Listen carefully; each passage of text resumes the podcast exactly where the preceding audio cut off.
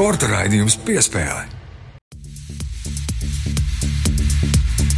Latvijas radio pirmā kanāla sporta raidījums piespēle studijā Mārtiņš Kļavnieks un Māris Bergs, kā jau katru svētdienu, un tūlīt runāsim par visu aktuālāko sportā gan pagājušajā nedēļā, kas tik tikko aizvadīta, gan arī ieskicēsim nākamās nedēļas vienu ļoti, ļoti svarīgu notikumu. Sveiks, Māri! Sveiks, Mārtiņ! Sveicināti klausītāji! Jā, nu tieši tā, pareizi saka, nākamajā nedēļā ļoti liels sporta pasākums, viens no varētu teikt, kāda lielākajiem sporta pasākumiem, kāds vispār Latvijā notiek, proti rallija Liepāja. Eiropas čempionāta posms, eh, Eiropas labākie braucēji ierodas Liepājā. Būs sportisti arī no tādām tālām, eksotiskām valstīm kā Austrālija, kā Jaunzēlande.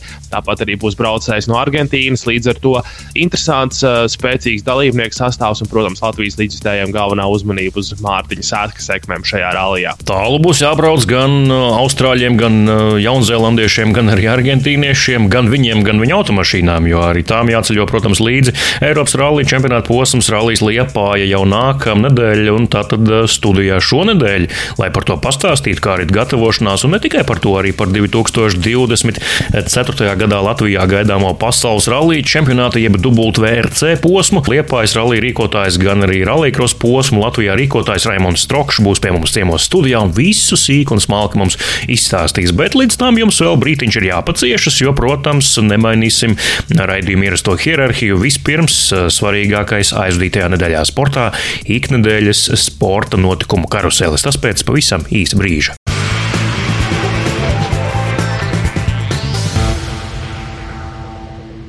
Latvijas radio pirmā kanāla sporta raidījums piespēle studijā Mārtiņš Kļavinieks un Mārs Barks un metamies iekšā pagājušās nedēļas spilgtākajos notikumos sportā. Sāksim ar Latvijas basketbola izlases zaļumballi, kas 22. jūnijā notika arēnā Rīga. Latvijas basketbola izlase pret lietuviešiem.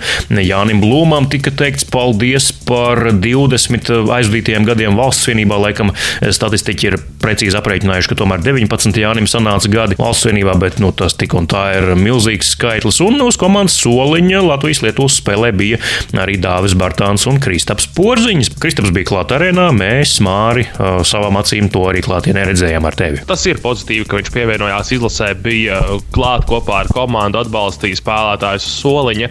Un Mārtiņš, kā viņš arī apstiprināja Latvijas radio ziņu dienesta veidotajā diskusijā lietotnē Twitter, augustā Kristaps būs klāt cīnoties pasaules kausa kvalifikācijas otrajā posmā. Pagaidām vēl būvēju augšā, pamazām sevi un trenējos un, un lieku klāt. Un, un ar katru dienu aizvien labāk jūtos. Mans plāns ir, kad augustā šitie logā es toču pievienojos. Tā kā tāds ir, tāds ir plāns. Un, uh, Žēl, ka man tagad nesanāk, jā, bet, uh, bet vispirms jāsadziedē viss līdz, līdz, līdz galam, un lai es labi jūtos, un tad jau augustā es būšu pilnā spārā palīdzējuši komandai. Nu, tas ir pats galvenais, laikam, ko varam paņemt no šīs nedēļas. Kristaps būs klāts izlasē, tā vismaz viņš sola. Protams, vienmēr jau kaut kas var sagriezties kājām gaisā, kādas veselības problēmas vai vēl kaut kas vasarā. To zaļumu balvu runājot, protams, uzslavas Basketbola savienībai par to, kā šis pasākums tika rīkots. Un Latvijas organizatori reizēm tiek kritizēti par to, ka nespēja varbūt ietērpt tajā smukākajā papīrītī pasākumu. Nu, šoreiz tas izdevās. Basketbola savienība šo spēli izveidoja par izklaides un sporta produktu. Tā nebija tikai spēle, kur nāk un skatās basketbolu. Par spēli laikam tur daudz nav ko teikt. Lietuvieši bija diezgan jēli un nu, gribēt, gribēja. Pirmajā puslaikā, otrajā izskatījās, ka vairs arī nemaz tik daudz negribēja. Jā, nu par to spēli vispār nav ko runāt. Tā ir pārbaudas spēle. Arī lietuvieši gatavojas, viņiem ir pašiem savi uzdevumi.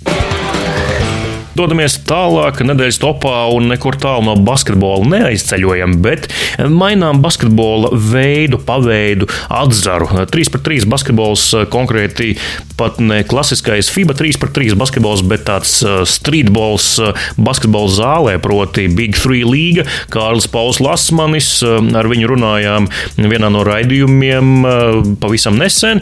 Viņš tad vēl cerēja debitēt Big 3 līgā. Nu, tas ir noticis un viņa pārstāvēt debitētā Aliens komanda pārspēja Enemijas un Kārlim Paulam Lasmanim 18 gūti punkti un arī uzvara šajā mačā. Es domāju, ka ļoti labi debija Mārtiņa piekritīs, ja šie spēļu rezultāti ir apmēram 40-50 punktu samet pa spēli, tad uh, vienam spēlētājam savākt 18 punktus, turklāt debitējot šajā līgā ļoti atzīstams sniegums. Jā, tur pāris reizes Kārlis Pauls Lasmanis uzrāvās uz pretinieku blociņiem. Tur ir mazliet jāpierod vienkārši pie tā, tā spēles stila. Dodamies tālāk un no basketbola pie tenisa. Drīz vien jau sāksies arī Wimbledonas uh, turnīrs. Jau rīt sāks Wimbledonas turnīrs, uh, bet pirms tam vēl uh, arī Eastbournes 500 punktu sacensības ir aizvadītas gan vienspēlēs, gan dubultspēlēs. Nu, un Eastbournes pagājušā gada čempione Aļono Stepenko šoreiz, diemžēl, diemžēl neaizstāvēja savu pērnā gada titulu zaudējums finālā Petrai Kvitovai no Čehijas, bet Aļona tika finālā un arī tas noteikti dod kaut kādu pārliecības kausu viņas kopējā tajā katlā. Pilnīgi noteikti. Un uh, viss tur ir gaitā Ļona ir diezgan labu sniegumu arī demonstrējusi. Nu, skaidrs, finālā Petra Kvitova ārkārtīgi meistarīga spēlētāja, divkārtējā Wimbledonas čempione. Tas jau runā pats par sevi. Pati Aļona Īsbornā, nu, liekas, tiešām labu spēli demonstrēja, spēja progresēt no spēles uz spēli. Arvien labāk viņa izskatījās kortā. Tā sezona viņai ir tomēr gājusi kā pa cēlumiem. Tad ir labi turnīri, tad ir slikti turnīri.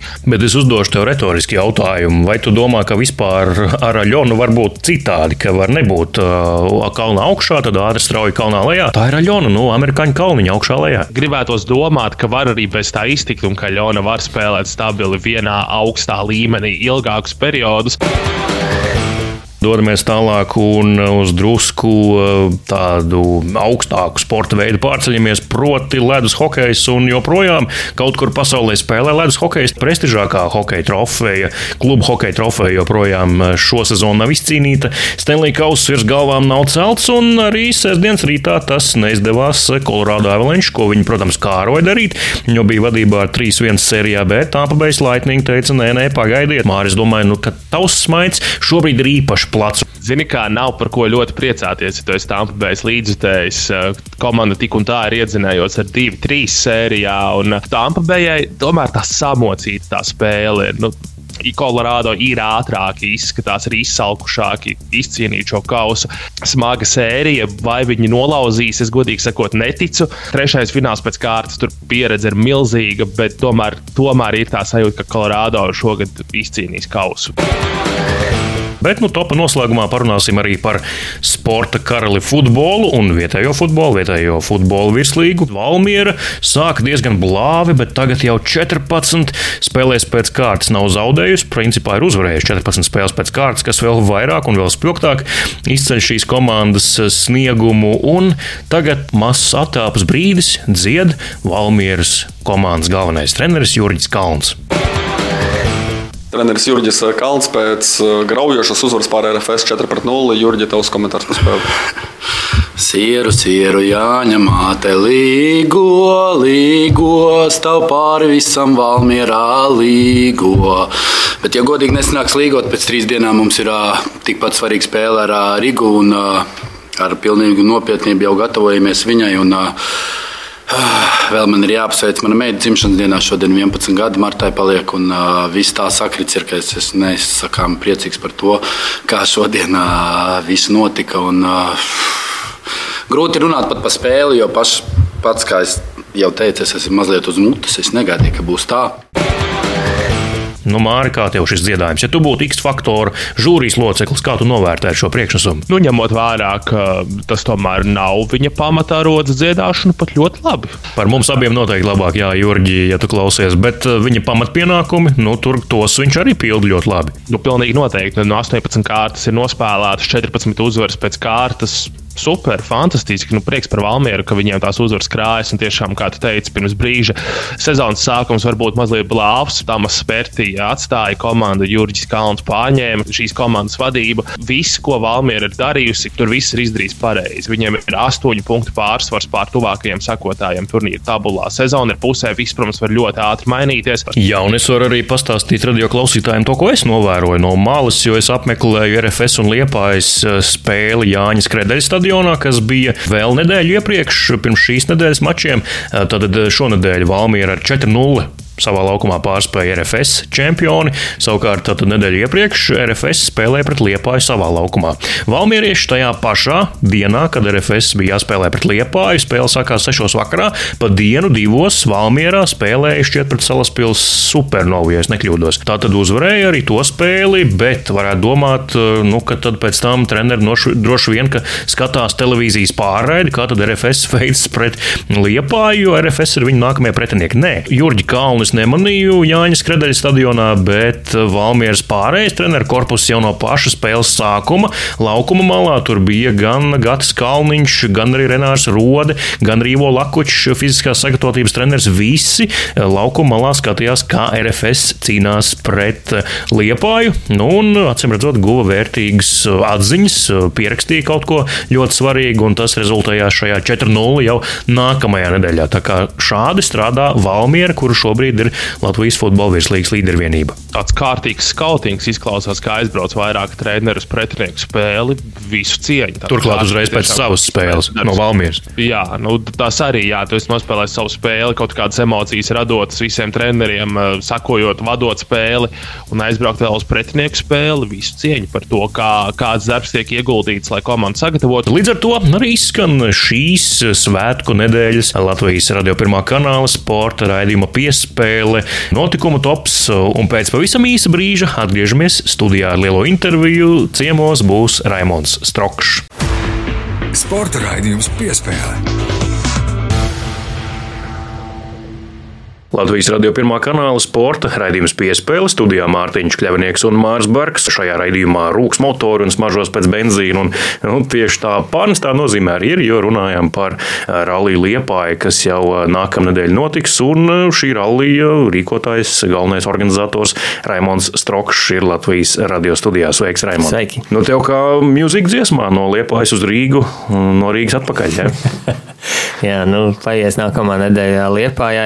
Gads ir paskrējis, un jāsaka, jau kā ir sailgojamies pēc tās nedēļas, jo pusgadu intensīvi plānojam šīs divas rallija dienas, cītīgi strādājam pie tā, un tad, kad tā nedēļa pienāk, un mēs visi, visi cilvēki faktiski pārvācamies uz Liepāju, tā tāda patīkama sajūta. Tad uzreiz jājautā, kā ar cilvēku interesi un kā ar biļešu tirzniecību veids tagad nedēļu līdz rallija sākumam. Tirzniecības pirmajā nedēļā, varbūt desmit dienās, mēs jau sasniedzam visu pagājušā gada kopējo. Tā, tā interese ir, ir, protams, daudz lielāka nekā pagājušajā gadā tam ritenim vēl jāiegriežas, lai nonāktu viņam pilnībā atpakaļ, kā tas viss bija. Protams, tam visam vēl būs mazliet vajadzīgs laiks, bet, bet nē, nē, interesi ir un mūsu mājaslapā LVRALI.com var joprojām nopirkt biļetes un jā, visu laipni aicināt. Cik daudz mazo sīko darbiņu tev un komandai vēl ir palicis, lai nu tiešām būtu tā, ka skaisti un tā kā vajag? Daudz darbiņu palikuši, jo faktiski tos pusgadu plānojot, bet pienāk šī nedēļa, un tad tajā vienā nedēļā ir diezgan daudz notikumu. Uh, sabrauc visas šīs komandas, katram viņam rodās kādi jautājumi vai kaut kādas situācijas, kuras tu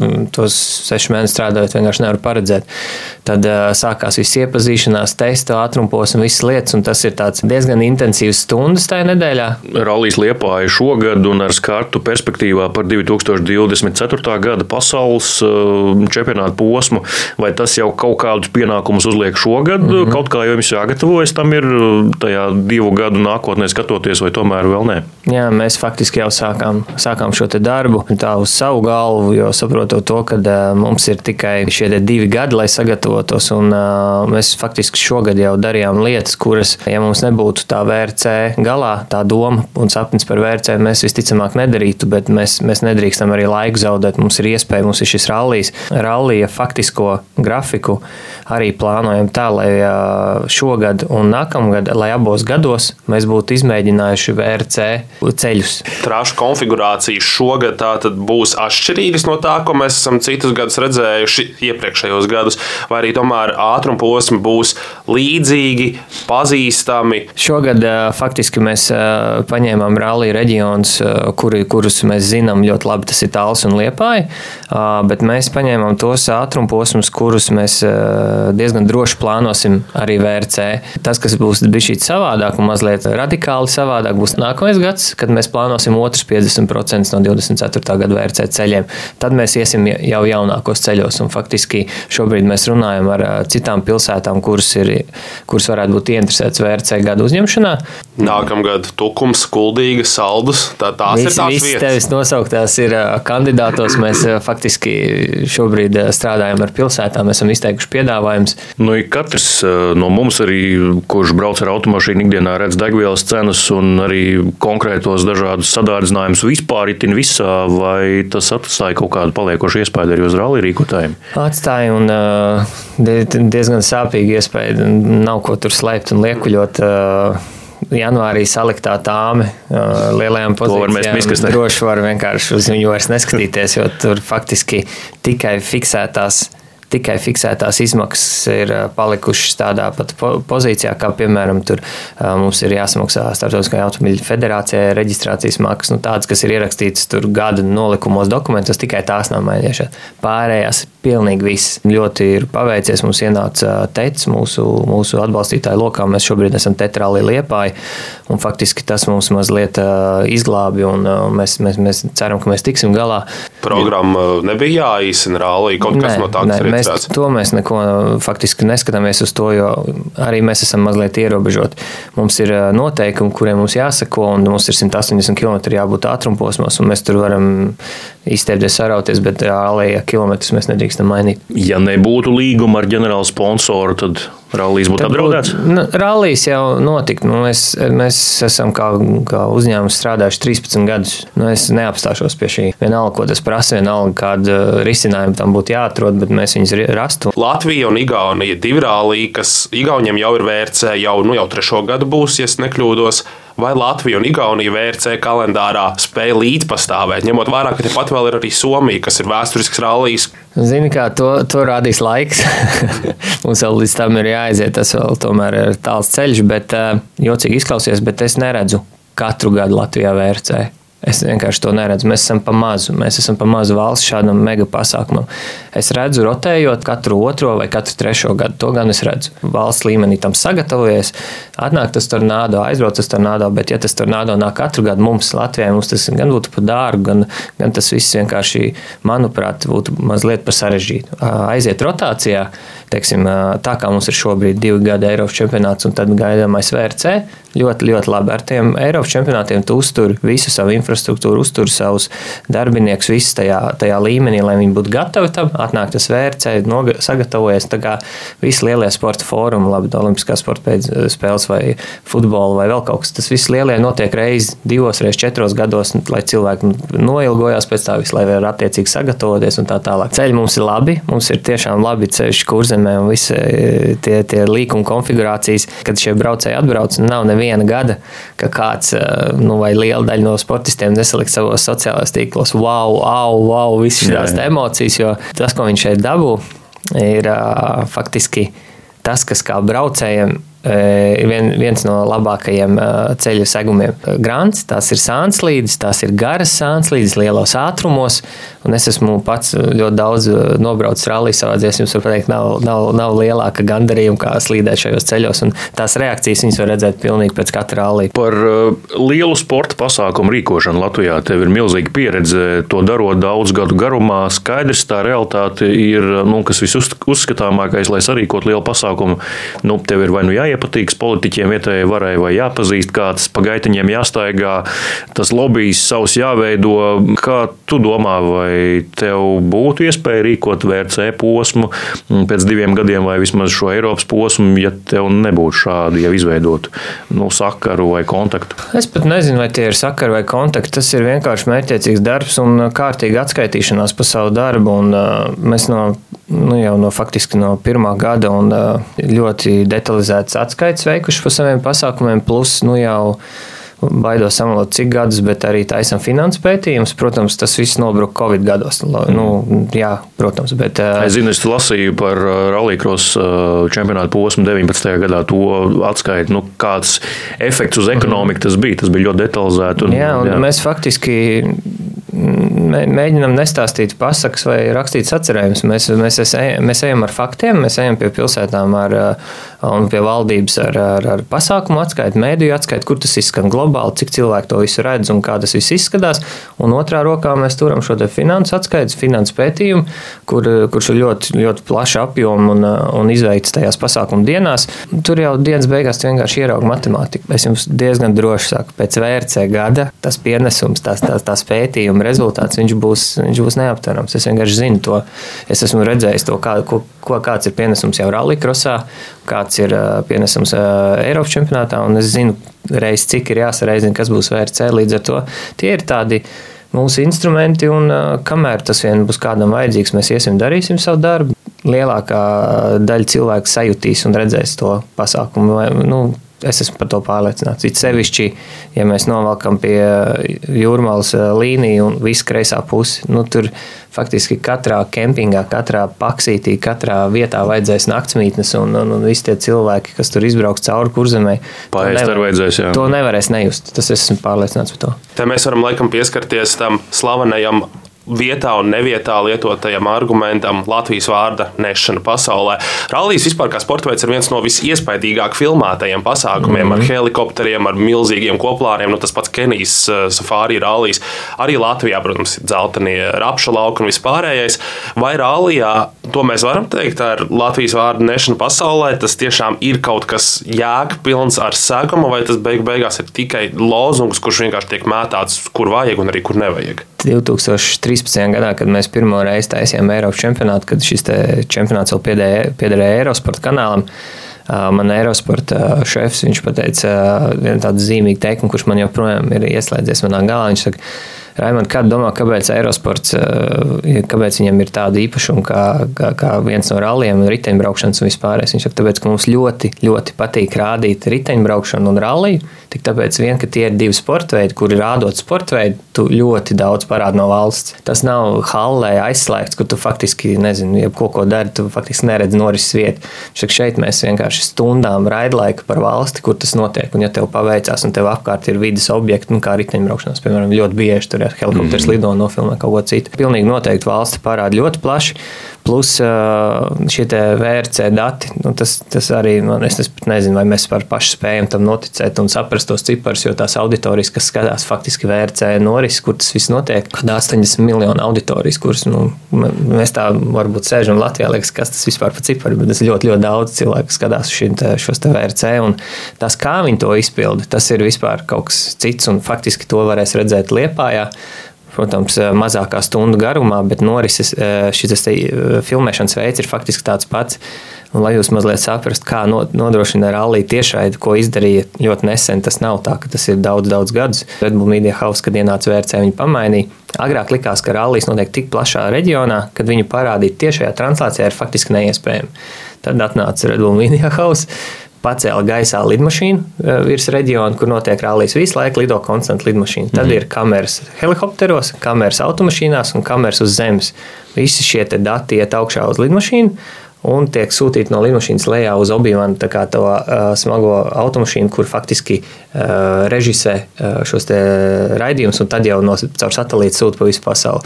Jo faktiski, kāpēc ir vajadzīga tā lidmašīna? Tāpēc, ka tam smagai automašīnai stāvot zemes, tie dati, no, kuras nāk no mašīnām, no kamerām, uh, kas stāv uz zemes, viņi nevar aizsniegt, jo tev priekšā ir visi kalni, koki, visas mm. kaut kādas lietas. Un tad iedomājieties, visu laiku faktiski gaisā lido lidmašīna, lai tikai datus savākt, aizsūtītu uz, uz vietu un, un, un tālāk nodot visai pasaulē. Un viņi to izmainīja. Viņi panāca ļoti, ļoti plašu sekotāju loku, jo nu, faktiski tu agrāk nevarēji neko no tā izpildīt vai redzēt rallija.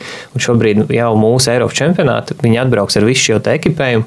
Mums būs kaut kādas 12 līdz 13 stundas laivu satura, kurš arī tiks eh, translēts VRC platformā arī. Tāda lūk saruna ar uh, Liepājas uh, rallija rīkotāju Raimonu Strokšu. Paldies, Raimond, ka šodien atnāci ciemos uh, uz Latvijas radio pirmā kanāla raidījuma piespēli. Tad gaidām ralliju nākamnedēļ un dodamies to vērot klātienē, jo tur rallijas izskatās vislabāk. Tieši tā.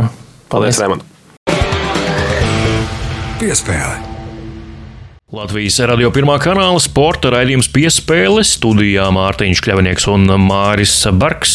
Māri, tu esi kādreiz braucis ar motociklu pa lielceļu? Pa lielceļu nē, es vairāk esmu krosa cienītājs. Es pa visādām krosa trasēm esmu pabraukājis arī ar dažādu tehniku, gan ar solo motocikliem, kvadricikliem, blakus vāģiem, ar, ar visādām tādām lietām. Tāpēc arī katru reizi, kad ir pasaules čempionāta posms motokrosā, arī to īpaši ziņās izceļu. Tāpēc man patīk šī lieta. Bet eh, šonadēļ ir tā diena, un šī svētdiena ir tā diena, kad eh, rubrika ciemos pie Gunāra Jākapsona atkal skan mūsu raidījumā, kā jau katra mēneša pēdējā svētdienā. Un Gunārs, starp citu, studiju ir aicinājis divus kaislīgus motobraucējus, kuri ikdienā nodarbojas ar mototūrismu. Vai esat par ko tādu dzirdējuši? Nu, ja nē, tad Gunārs jums tūliņ visu izstāstīs kopā ar saviem viesiem.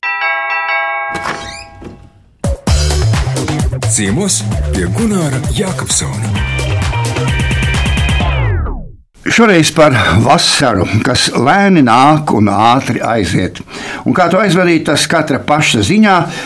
Bet pirms iepazīstinu ar saviem viesiem, varu droši sacīt, ka viņi abi ir īsti vasaras vēstneši, kas sportiski vasarīgas noskaņas dāvā gan sev, gan ikvienam no mums, atgādinot, ka viņu uzticamais ceļabiedrs, proti, motocikls, allaž bijis un būs spilgts Latvijas vasaras simbols. Tātad mani ciemiņi uzņēmēja motoentuziaste Ieva Suniņa. Labdien! Un Arnis Blodons, labi pazīstams gan radio, gan televīzijā, arī motociklu asociācijas sekretārs. Sveiks, Arni! Sveiks! Nu, jūsu moto pieredze ir visai atšķirīga. Bet kā un kad tad īsti aizsākās jūsu draudzība ar motociklu? Man laikam tāds klasisks stāsts, pusmūža krīze man atveda līdz motociklam. Kā, kādā brīdī, kad tu saproti, ka esi māju uzbūvējis, dēlu izaudzinājis, un ko tu vēl neesi savā dzīvē paveicis. Un es sastādīju savu sarakstu, un motocikls bija pirmajā vietā. Kad man bija 15 gadi, es biju. Mans brālēns mēģināja pierunāt uz motocikla iegādi. Pirms trim gadiem es to sapni beidzot realizēju. Jā, tas par krīzi tagad Arni, tavs variants. Ieva, mēs, kad ar viņu iepazināmies, viņai nebija vadītāja apliecības. Jā, un mans teiciens bija tāds, Bet tagad ir nav noņemti. Nē, nē, nē, jā, viss ir kārtībā. kārtībā jā.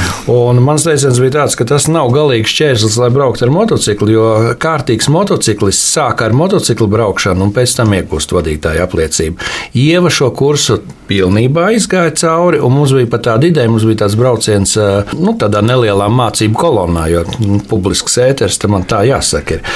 Mēs braucām uz Rēzekni pa visādiem zemes ceļiem un tā tālāk. Nu, viņa zobus sakotas, bet nu, vilka līdzi mums viss ir kārtībā, un beigās mēs viņai tā kā taisījāmies rakstīt nu, priekš tā eksāmena tādu apliecinājumu, ka braukt ne tikai māk, bet ļoti labi brauc, un vadītāja apliecība ir nopelnījusi. Jā, nu, motocikls tas nav tikai izbīdījums izbīlis vien, tā ir arī vasara, kā jau es minēju. Nevelti moto entuziasti gadus rīko krāšņas sezonas atklāšanas svētkus. Arnē, tavā karjerā tur ir bijis visai daudz, dažos vārdos. Moto sezonas atklāšana, tas visiem, lai būtu zināms, jā, no kopš padomu laikiem, ir aprīļa pēdējā sestdiena. Jā, tur mazāk vai vairāk.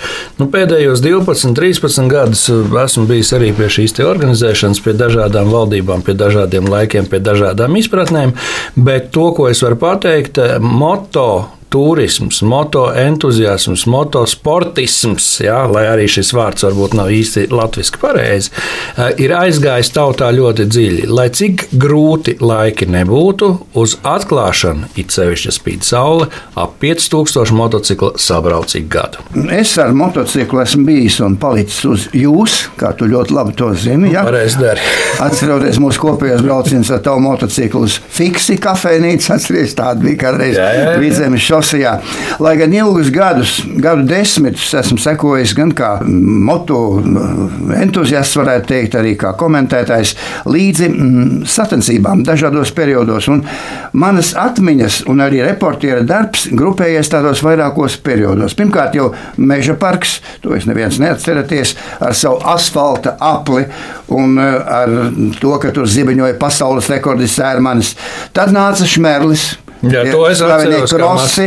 Nu, bet vai tu atceries, cik eh, vienā no šiem apmēram 60. gadiem bija, cik eh, pulcējas skatītājs eh, šis kross vienā no šiem gadiem? Kā tev- tūkstoši. Nu, gan arī uzmanēja 300 tūkstoši skaitījās, ka Šmerlī apmeklēja šīs sacīkstes, kā toreiz teica, družba vai, vai draudzība. Nu, un, protams, tad nāca biķernieku trase, kas joprojām saistām ar Eduardu Kjopas vārdu un ir viena no labākajām Eiropā. Un tagad daudzie krosi, krosiņi, sacensības un sacensībiņas joprojām visā Latvijā. Jūs, cik es noprotu, Vilena, pirmkārt jau mototurisms. Kāpēc tieši tas? Nu, lielajam uh, motosportam mēs jau tā kā bišķi esam jau prom. Tas tieši tāpatās kā jebkurā citā sporta veidā, bet uh, ir tā lieta, ka nu, katram cilvēkam, nu, atcerieties, padomu laikos arī bija tāds mototurisms. Tev vajadzēja braukt uz Grūziju, uz vēl kurienu, un tad tu lasīji punktus. Bija noteikti nolikumi, kas bija jāizpild, un tad tu salasīji tos punktus, un tad tika vērtēts, un tev tika piešķirti tie nosaukumi un tā tālāk. Šodien, šodien arī Latvijas Motosporta federācijā ir turisma nodaļa. Ja, un tiek daudz rīkots gan eh, daudzdienu enduro sacensības, kurās piedalās arī visā pasaulē.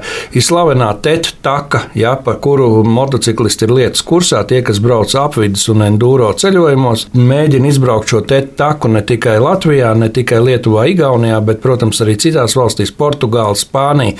Un tas ir liels piedzīvojums. Ja. Tad cilvēks, nu, viņš katru dienu no rīta ceļās, tie, kas ir apzinīgie, un tādā vecumā, kad darbs jau ir, tā kā saka, pienākums pasākums. Ja?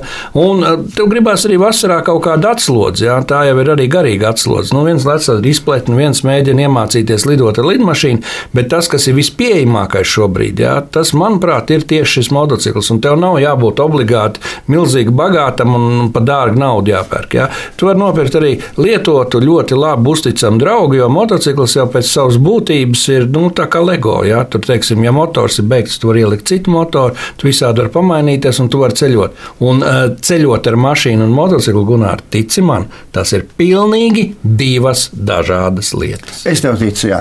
Bet tagad turpinot par mototurismu, Ieva, mm, varbūt jūs dažus tādus piedzīvojumi, pārdzīvojumi, kuriozi, prieki, vilšanās. Es esmu jauniņš, Nu, man, ir, protams, man ir tikai protams. trīs gadu pieredze mototurismā, bet, kā Arnēs minēja, tad ir pavisam citas sajūtas. Tas ir um, smaržas, kuras tu ķēri pa ceļam, pilnīgi visas, um, ceriņus. Benzīnu. Nu, vismazāk. Benzīna vismazāk. Bet tās apkārtējās smaržas, tas bija mans liels pārsteigums īstenībā pirmajā mūsu kopīgajā motobraucienā. Un arī klimata pārmaiņas, lietus, vējš, um, saule, to tu visu jūti uz savas sādas. Un, un tas, protams, nu, dara to tās izjūtas tādas pirmotnējākas. Un tas uh, noteikti rada daudz lielāku prieku un beig beigās arī atkarību. Nu, Jā. kāds kurjos interesants. Īstāsts par to, kā mēs trijotā satikāmies. Bija plānots, ka tur būs cilvēki 20 un pa to braucienu. Jā, mums bija um, ikgadējais uh, moto, motokluba triumfa brauciens uz Hjūmā salu, un tajā dienā bija spēcīgs negaiss. Nu, negaiss bija tiešām ļoti stiprs un faktiski, var teikt, lieka ar spāņiem. Es iepriekšējā dienā ar Arni jau biju sazinājusies un vaicāju, vai tad, ja spēcīgs lietus ir, vai mums brauciens izpaliek, vai mēs tomēr brauksim. Uz ko Arnis atbildēja, ka motociklisti no lietus nebaidās. Es saņēmos, saģērbos, tai milzīgajā lietu, uzkāpu uz motociklu un braucu uz tikšanās vietu. Un man par lielu pārsteigumu pretī man stāvēja Arnis ar vēl vienu savu kompāniju, kuram galīgi nemaz nebija triumfa motocikls. Nu, braukšanas prasme tā ir jāapgūst. Kā un kur tas notiek Latvijā?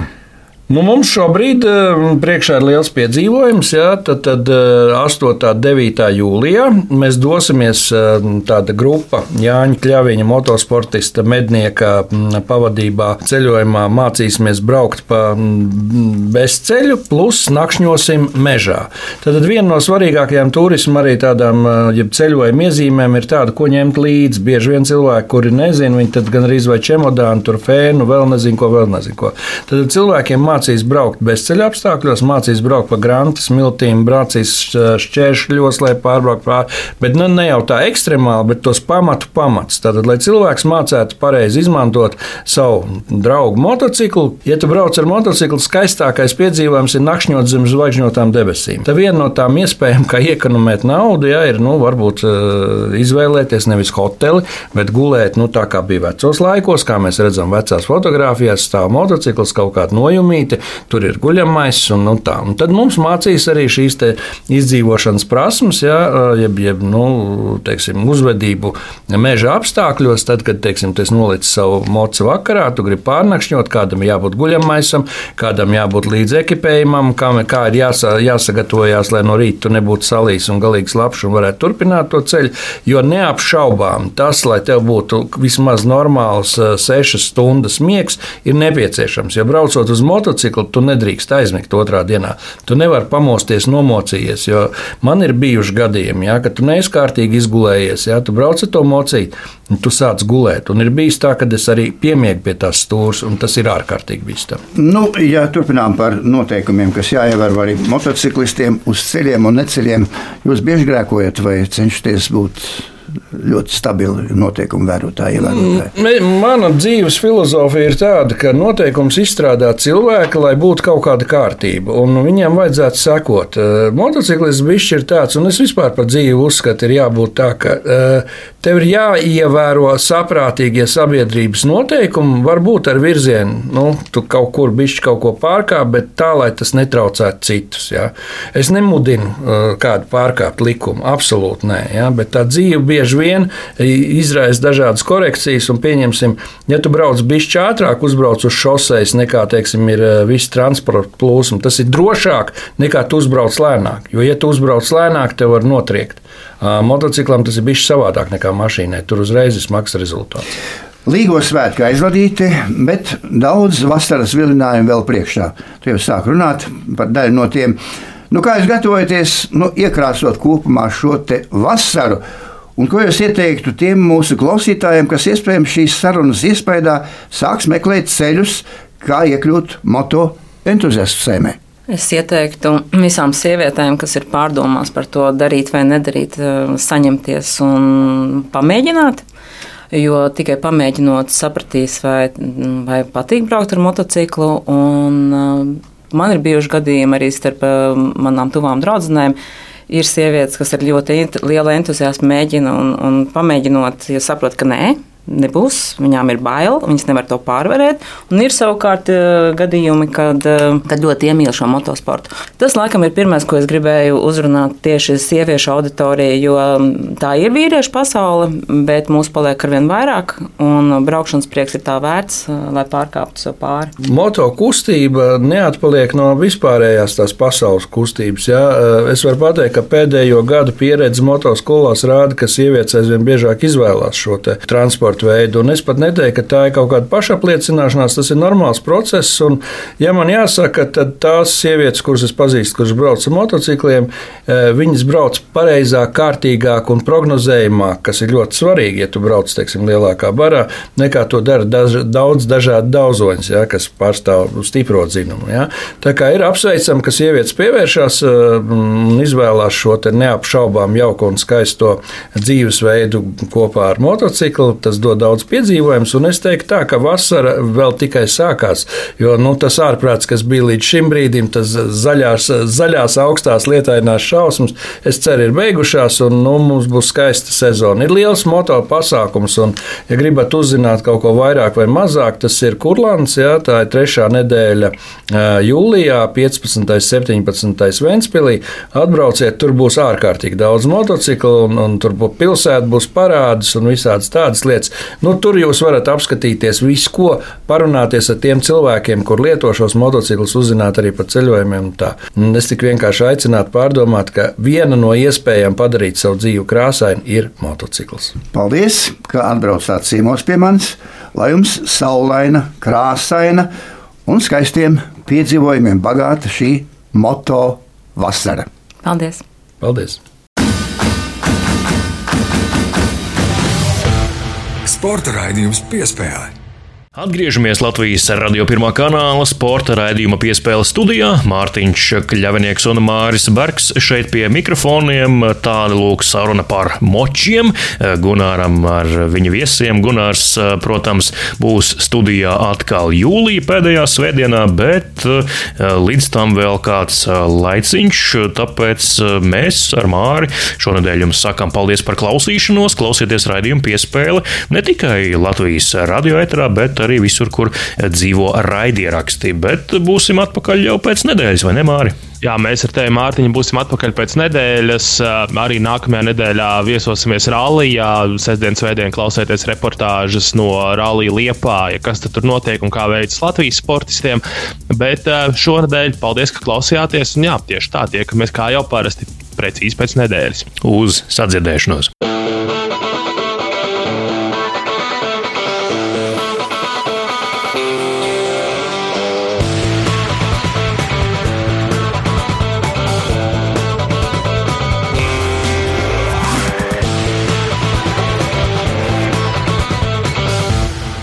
Sporta raidījums piespēlē.